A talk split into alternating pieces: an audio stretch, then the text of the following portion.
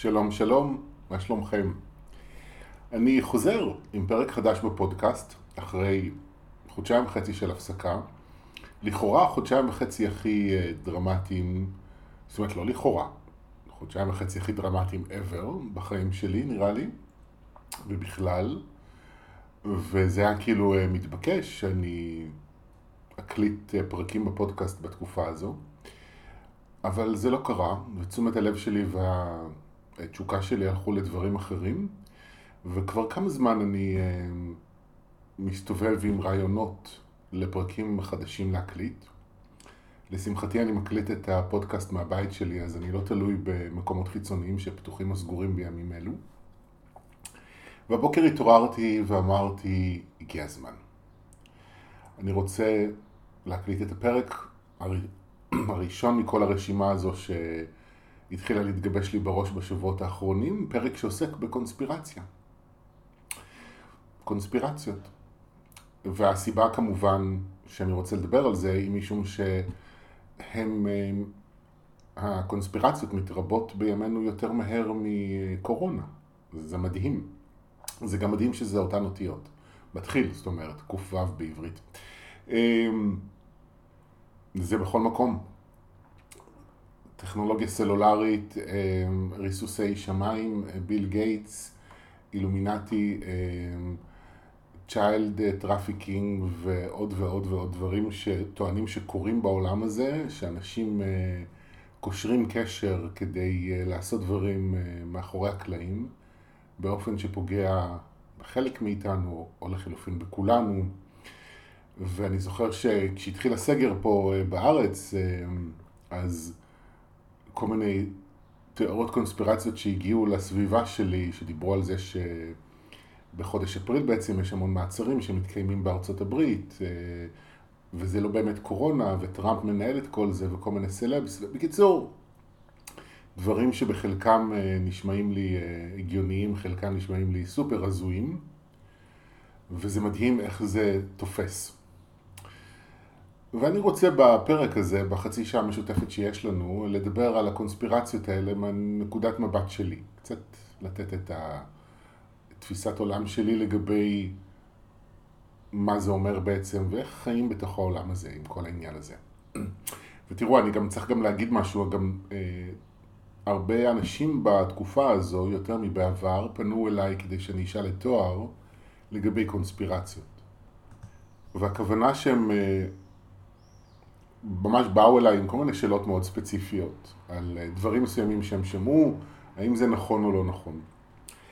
ואני לא עונה על השאלות האלה. אני גם לא אוהב לדבר על זה, להתעסק בזה.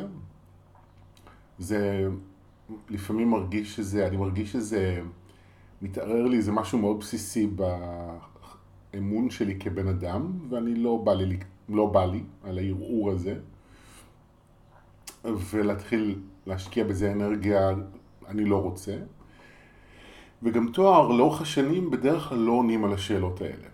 הם, אה, אני זוכר שיש יש מישהי שמדי פעם שואלת את תואר על זה, והם כל הזמן מחזירים אותה להתעסק בעצמה ולעזוב את הקונספירציות. שזה קצת פרדוקסלי, כי הם מדברים בזמן האחרון, בתקשור שהולך להתפרסם אה, בהמשך החודש, שכבר מוכן, הוא רק עוד לא עלה לאתר, הם מדברים על זה באופן כללי, שיש אנשים שמנסים לשלוט בנו, זאת אומרת, יש פה כוחות שמנסים לשלוט בנו בצורה שאנחנו לא לגמרי מבינים. וזה הדבר שבעצם איתו אני מסכים בכל הסיפור הזה. זאת אומרת, ברור לי שיש כוחות שמנסים לשלוט בנו. האם הכוחות האלה הם רק אנושיים? האם יש שם כוחות חוצניים? אני אין לי מושג. האם הכוחות האלה הם אנושיים, זאת אומרת זה ממש בני אדם, או שמדובר פה על איזה משהו אנרגטי, סלאש מלחמת אור בחושך, גם אין לי מושג. יכול להיות שזה הכל נכון, יכול להיות שחלק מזה נכון, אני לא לגמרי מבין, וכמו שאמרתי, אני גם לא ממש רוצה להבין וממש לדעת את כל הפרטים הקטנים, מספיק לי להבין שעובדים עליי, בשביל שאני אה, לא אהיה רדום. ובו זמנית לא בא לי לדעת בדיוק איך ולמה וכמה, מה עוד שגם אף אחד לא באמת יודע. זאת אומרת, יש אנשים שכמובן שטוענים שהם יודעים, כי כולם חושבים שהם יודעים, אבל אני אומר לאנשים שאם אתם מטילים ספק, תטילו ספק גם באלה שמטילים ספק. כי אני רואה אנשים שלפעמים, אני שומע לפעמים אנשים שמאמינים לתיאוריות קונספירציה בצורה מוחלטת. זאת אומרת, בלי לבדוק את המקור שלהם. איזה אנשים מפיצים את התיאוריות האלה? מה האינטרס שלהם? ואני חושב שלפעמים החלק מהקונס... התיאוריות קונספירציה הם חלק מהקונספירציה. לבלבל אותנו, להפחיד אותנו, ואז גם מפזרים כל מיני תיאוריות שחלקן סותרות אחת השנייה, חלקן לא, חלקן נשמעות סוג של הגיוניות, חלקן נשמעות ביזריות. זאת אומרת, הדבר הכי ביזארי בכל הסיפור הזה שאני שמעתי, ביזארי עבורי כמובן, זה דונלד טראמפ, שהוא בעצם מנהל מבצע מאחורי הקלעים למיגור אה, סחר בילדים למטרות מין. וזה נשמע לי הזוי, כי הבן אדם כל כך אידיוט, שאני לא מאמין שהוא מסוגל להיות כל כך מתוחכם, שהוא מציג חזות של אדם מטומטם כלפי חוץ, ובעצם סופר אינטליגנטי מאחורי הקלעים, שמנהל מבצע כל כך מורכב, כשדברים כמו התמודדות עם אה, וירוס קורונה וכאלה, הבן אדם אין לו מושג איך מתנהלים. אז זה, זה כאילו, זה מסוג הדברים שכאילו לא, סיריוסלי, עוד שנייה יעשו ממנו המשיח. בואו. בואו נחזור, בואו נחזור לכדור הארץ רגע, אה, עם כל הכבוד. עכשיו שוב, זו דעתי, ויכול להיות שיום אחד אני אגלה שאני טועה. מקסימום אני אעלה לשידור ואני אגיד, תשמעו, טעיתי, דונלד טראמפ, גאון, ותודה בשם כל הילדים. כאילו child trafficking למשל, למטרות מין, אני מבין שזה קיים. זה להגיד משהו בסיפורים, אני גם שומע על זה מידע ממקורות שאני סומך עליהם, תקשורים שאני סומך עליהם, אז אני מבין שזה משהו שהוא לצערי הרב קורה בעולם הזה. אבל אה, שדונלד טראמפ בא להציל אותם, אה, בואו. אמ, אז אני חושב שחלק מהקונספירציה זה תיאוריית הקונספירציה, ואני חושב שהקונספירציה העיקרית שיש בכדור הארץ היא מתחלקת לשתיים. וזו זו האינטייק שלי לגבי הנושא. יש את הקונספירציה הפנימית, יש את הקונספירציה החיצונית. הן דומות, אבל גם שונות. אחת היא תודעתית, השנייה היא גם אנושית. ואני אסביר. אני חושב שהאינטרס, בואו נדבר על אינטרסים אולי יותר מאשר על קונספירציות, כי השימוש במילה קונספירציה מזמן כבר חורג מהמונח הקלאסי, המילוני של המושג. יש כוחות של פחד ביקום, יש כוחות של פחד בכדור הארץ, וכוחות הפחד רוצים לשלוט בנו. זה מאוד ברור לי. מה זה בדיוק כוחות הפחד אני לא יודע, אבל פחד יש אינטרס לשלוט. והדרך הכי טובה לשלוט בנו היא להפחיד אותנו. כי כשאני מפחד, אני אעשה הכל כדי להציל את עצמי. והנה תקופת הקורונה הגיעה, הדוגמה מעולה, כולנו בחרדת מוות כזו או אחרת, לפחות רובנו, ובטח ובטח המדינות והממשלות בעולם. ואז סוגרים הכל, עוצרים הכל, לדעתי לא תמיד בצדק, ובעיקר מפחידים אותנו. עכשיו זה תמיד מדהים אותי כי כשהתחיל החורף היה פה היסטריה סביב השפעת, היסטריה מוחלטת, כמה שבועות בתקשורת מדברים על זה חיסונים, צריך להתחסן, בלה בלה בלה, ואז הגיעה קורונה, אף אחד לא מדבר על השפעת. עכשיו הקורונה מתחילה לפחות בישראל להתמעט, אז הפחדים עוברים לדברים אחרים. עוד פעם אני שומע מדברים על איראן, לא, אני כאילו מרגיש שכל הזמן רוצים שנפחד. אז עכשיו יש תיאוריות קונספירציה שגם בעיניי הרבה פעמים משמשות לטובת העניין, מפחידים אותנו. אין על מי לסמוך, אי אפשר לסמוך, וצריך כל הזמן להיזהר. אז מצד אחד אין על מי לסמוך, מצד שני, כשאנחנו מפחדים על חיינו, אנחנו נוטים לעשות את מה שאומרים לנו, פחות למרוד, פחות לשאול שאלות, פחות לבחון את המציאות. עכשיו זה פרדוקס מה שאני אומר, כן? כי מצד אחד אני אומר, תיאוריות הקונספירציה שמציעות מציאות אלטרנטיבית למציאות שלנו, פרשנות אלטרנטיבית למה שאנחנו רואים, אני פחות מאמין להם, מצד שני אני אומר צריך לשאול שאלות. וזה הפרדוקס שאני חי בו, אבל זה, זה גם נכון בעיניי, זאת אומרת צריך לשאול שאלות, אבל צריך לשאול שאלות תמיד. גם את מי שמציע את הפרשנות האלטרנטיבית צריך לבדוק מי מציע לי את הפרשנות הזאת ומאיזה אינטרס זה מגיע והאם זה באמת מידע אמין או לא. אה, כי אני יוצא מתוך נקודת הנחה שאי אפשר להאמין לדברים. תקשורת מציגה חלק מאוד קטן מהמציאות, הפוליטיקאים מציגים חלק עוד יותר קטן מהמציאות, ויש הרבה חלקים מהמציאות שאנחנו לא יודעים עליהם. חלקם הם לא בסדרי גודל של אילומינטי וכאלה, אבל אה, חלקם כן. ובכל מקרה הם מוסתרים מאיתנו, והם משפיעים עלינו. ובמובן הזה אני חושב שההתפשטות של הקורונה היא חלק חשוב, ב... אה, סליחה, של הקורונה. התפשטות של תיאוריות הקונספירציה, אולי גם הקורונה, אבל של תיאוריות הקונספירציה היא חלק מאוד חשוב בתהליך השינוי שאנחנו עוברים כתרבות. ואני גם אסביר למה אני אומר את הדבר המוזר הזה. והסיבה שזה בעיניי סימן טוב לשינוי, משום שאנחנו צריכים לאבד אמון. אנחנו צריכים לקחת בחזרה אחריות על החיים שלנו, על המציאות שאנחנו חיים בה, ברמה מאוד עמוקה. אנחנו באים מקורבנות מאוד עמוקה, מהרגל של אלפי שנים לתת את הכוח שלנו לאנשים חיצוניים, והכוח הזה צריך לחזור אלינו. וזה לאט לאט קורה. אני זוכר שפעם שמעתי תקשור שדיבר על, אה, על השואה, על מלחמת העולם השנייה, שזה בעצם הייתה הפעם האחרונה שהעולם התאגד סביב איזשהו מנהיג, כמו היטלר, והלך אחריו בעיניים עצומות.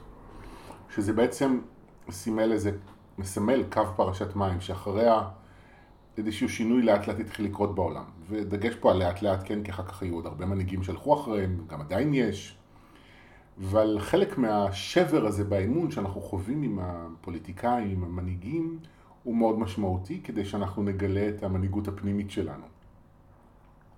שאנחנו נזכר מחדש, ניקח אחריות מחדש על החיים שלנו.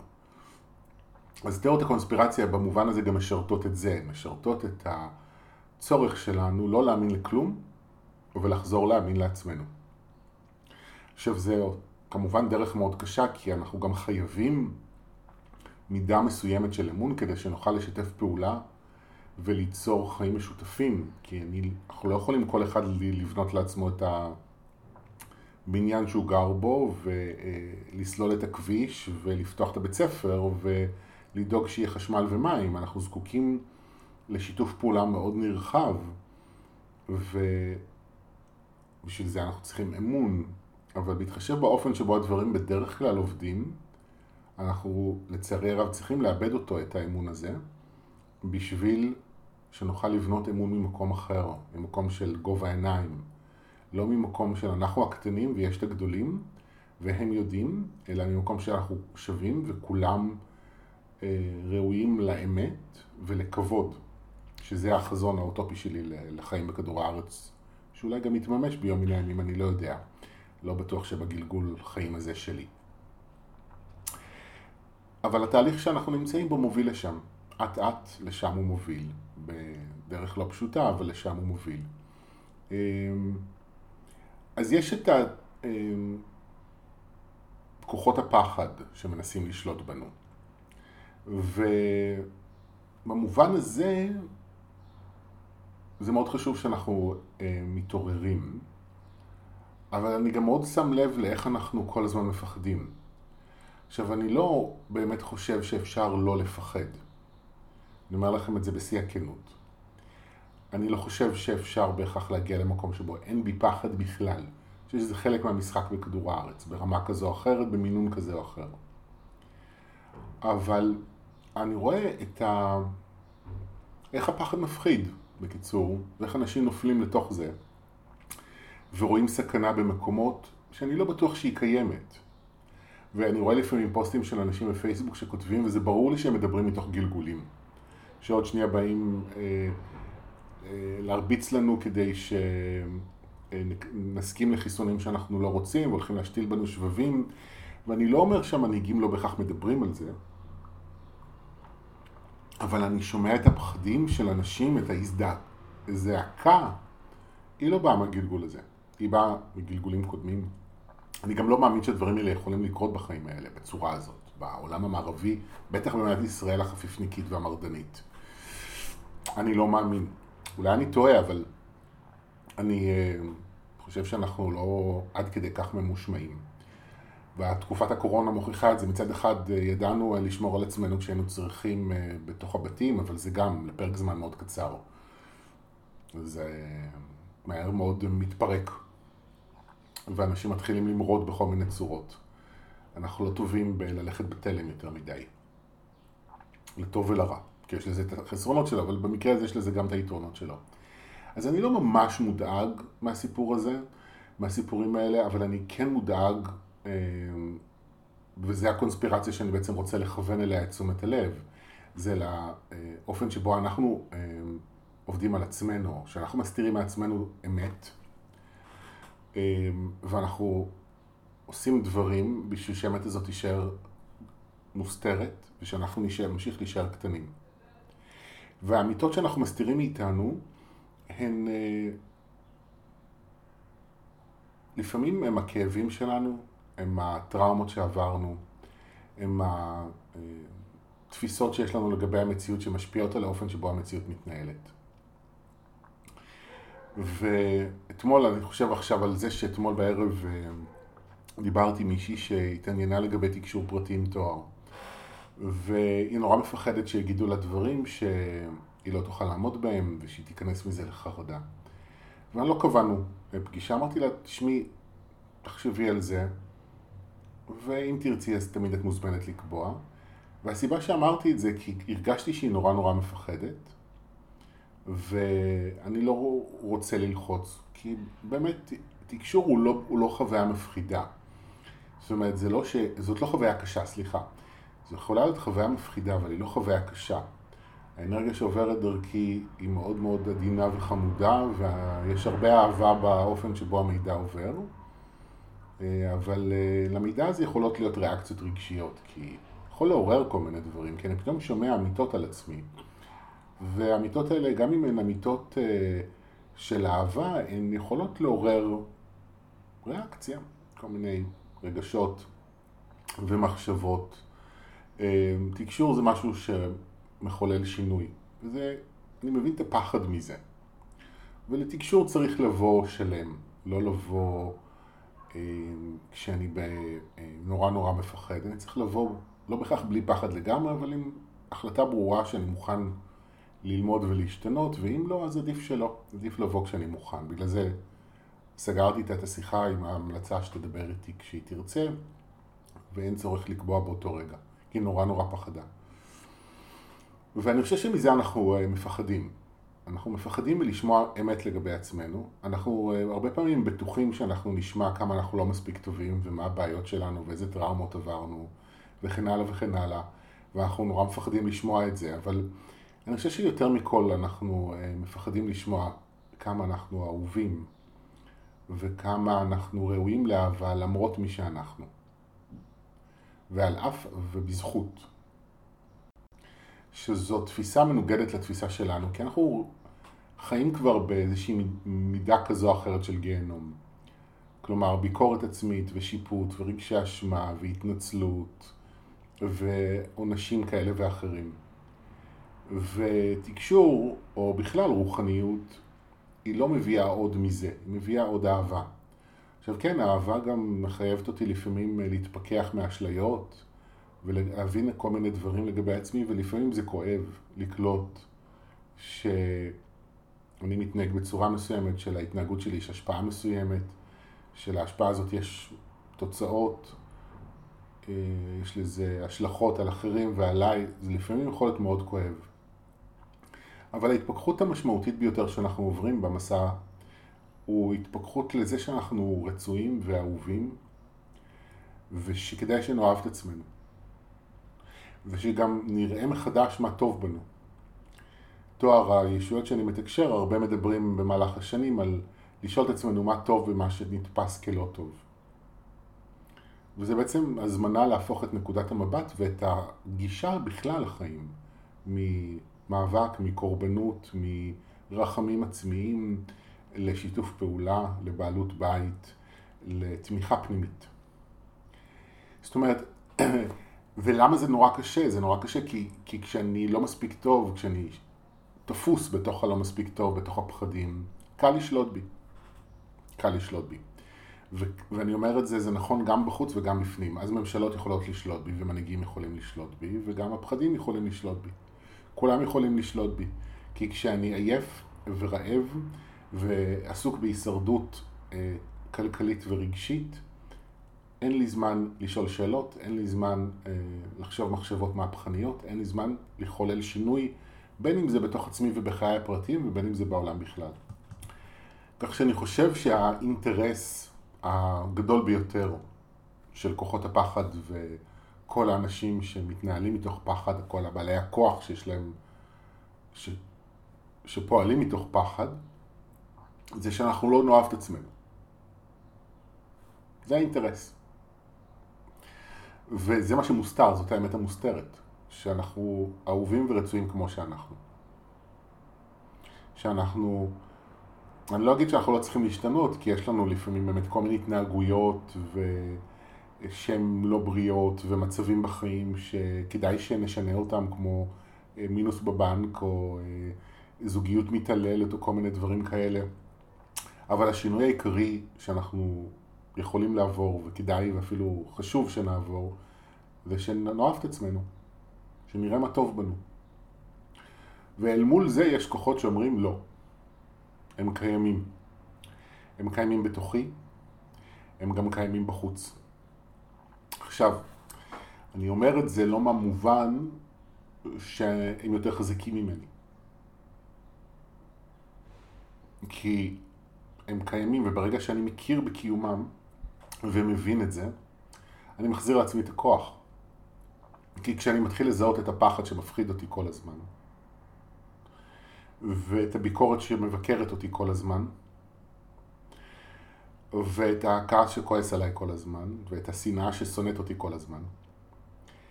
כלומר, אני כועס על עצמי, שונא את עצמי, מפחיד את עצמי, מאשים את עצמי, אז אני יכול לשנות את זה. מצד אחד מדובר על כוחות פנימיים, חיצוניים, קוסמיים, שהם נשמעים נורא גדולים. מצד שני, זה בידיים שלי. את מערכת היחסים שלי בתוך עצמי אני יכול לרפא.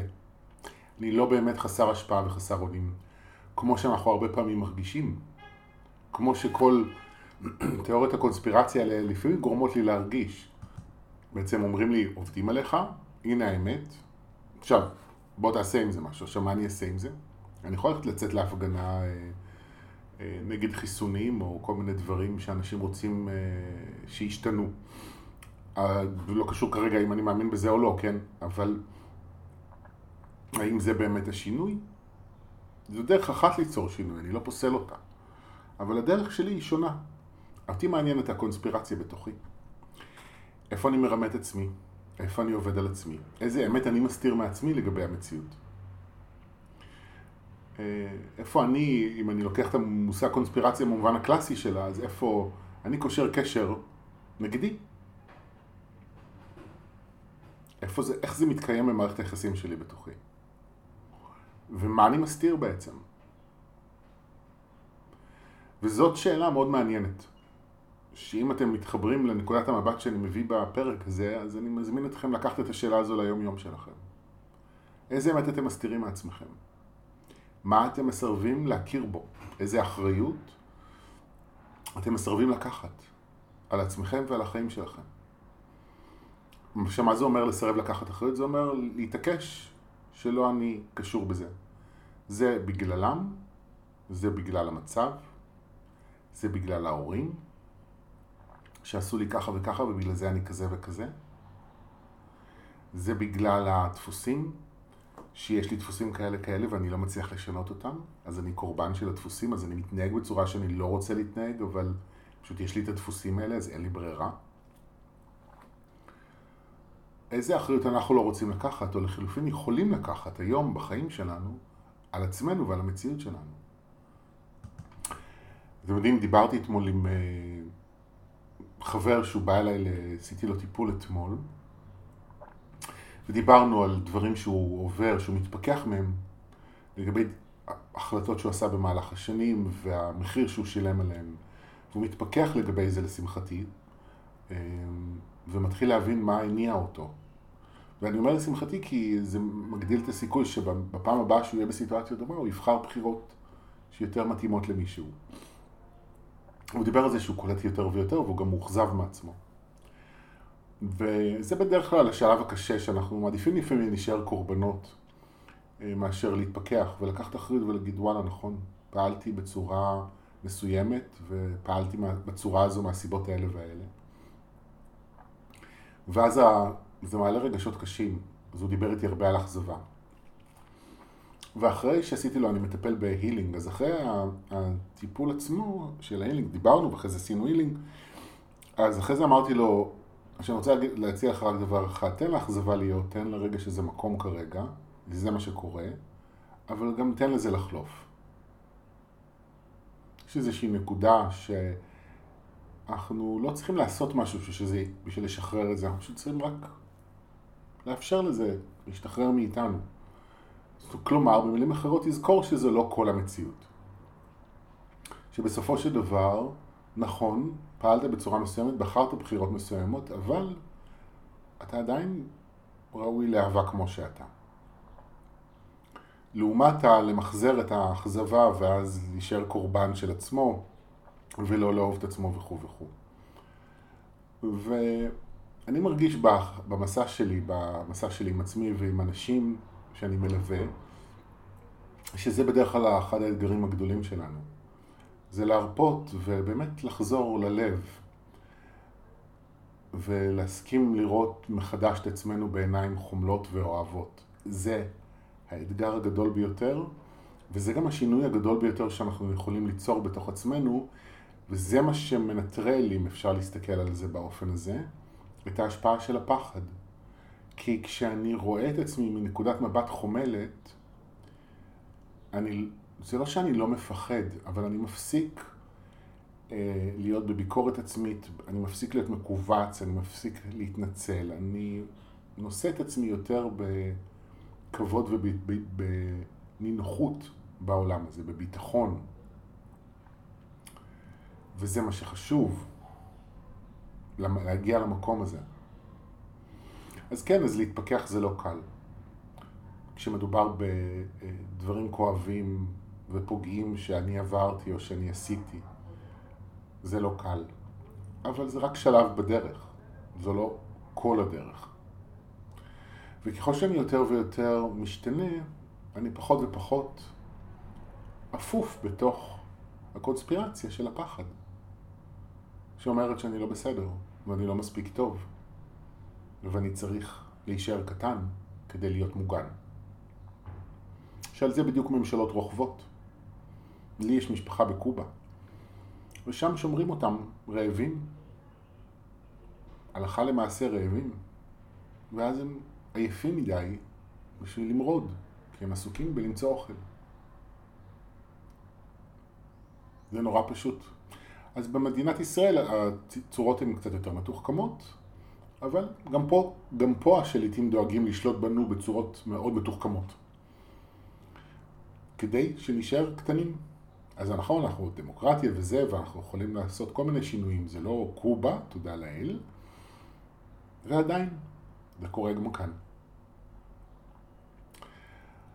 אז נכון שקל, וזה לפעמים גם אני עושה את זה בפייסבוק שלי, להתקומם על כל מיני עוולות ופייק ניוז ודיסאינפורמציה ו... מניפולציות שליטה שמפלגות וממשלות ומדינות עושות.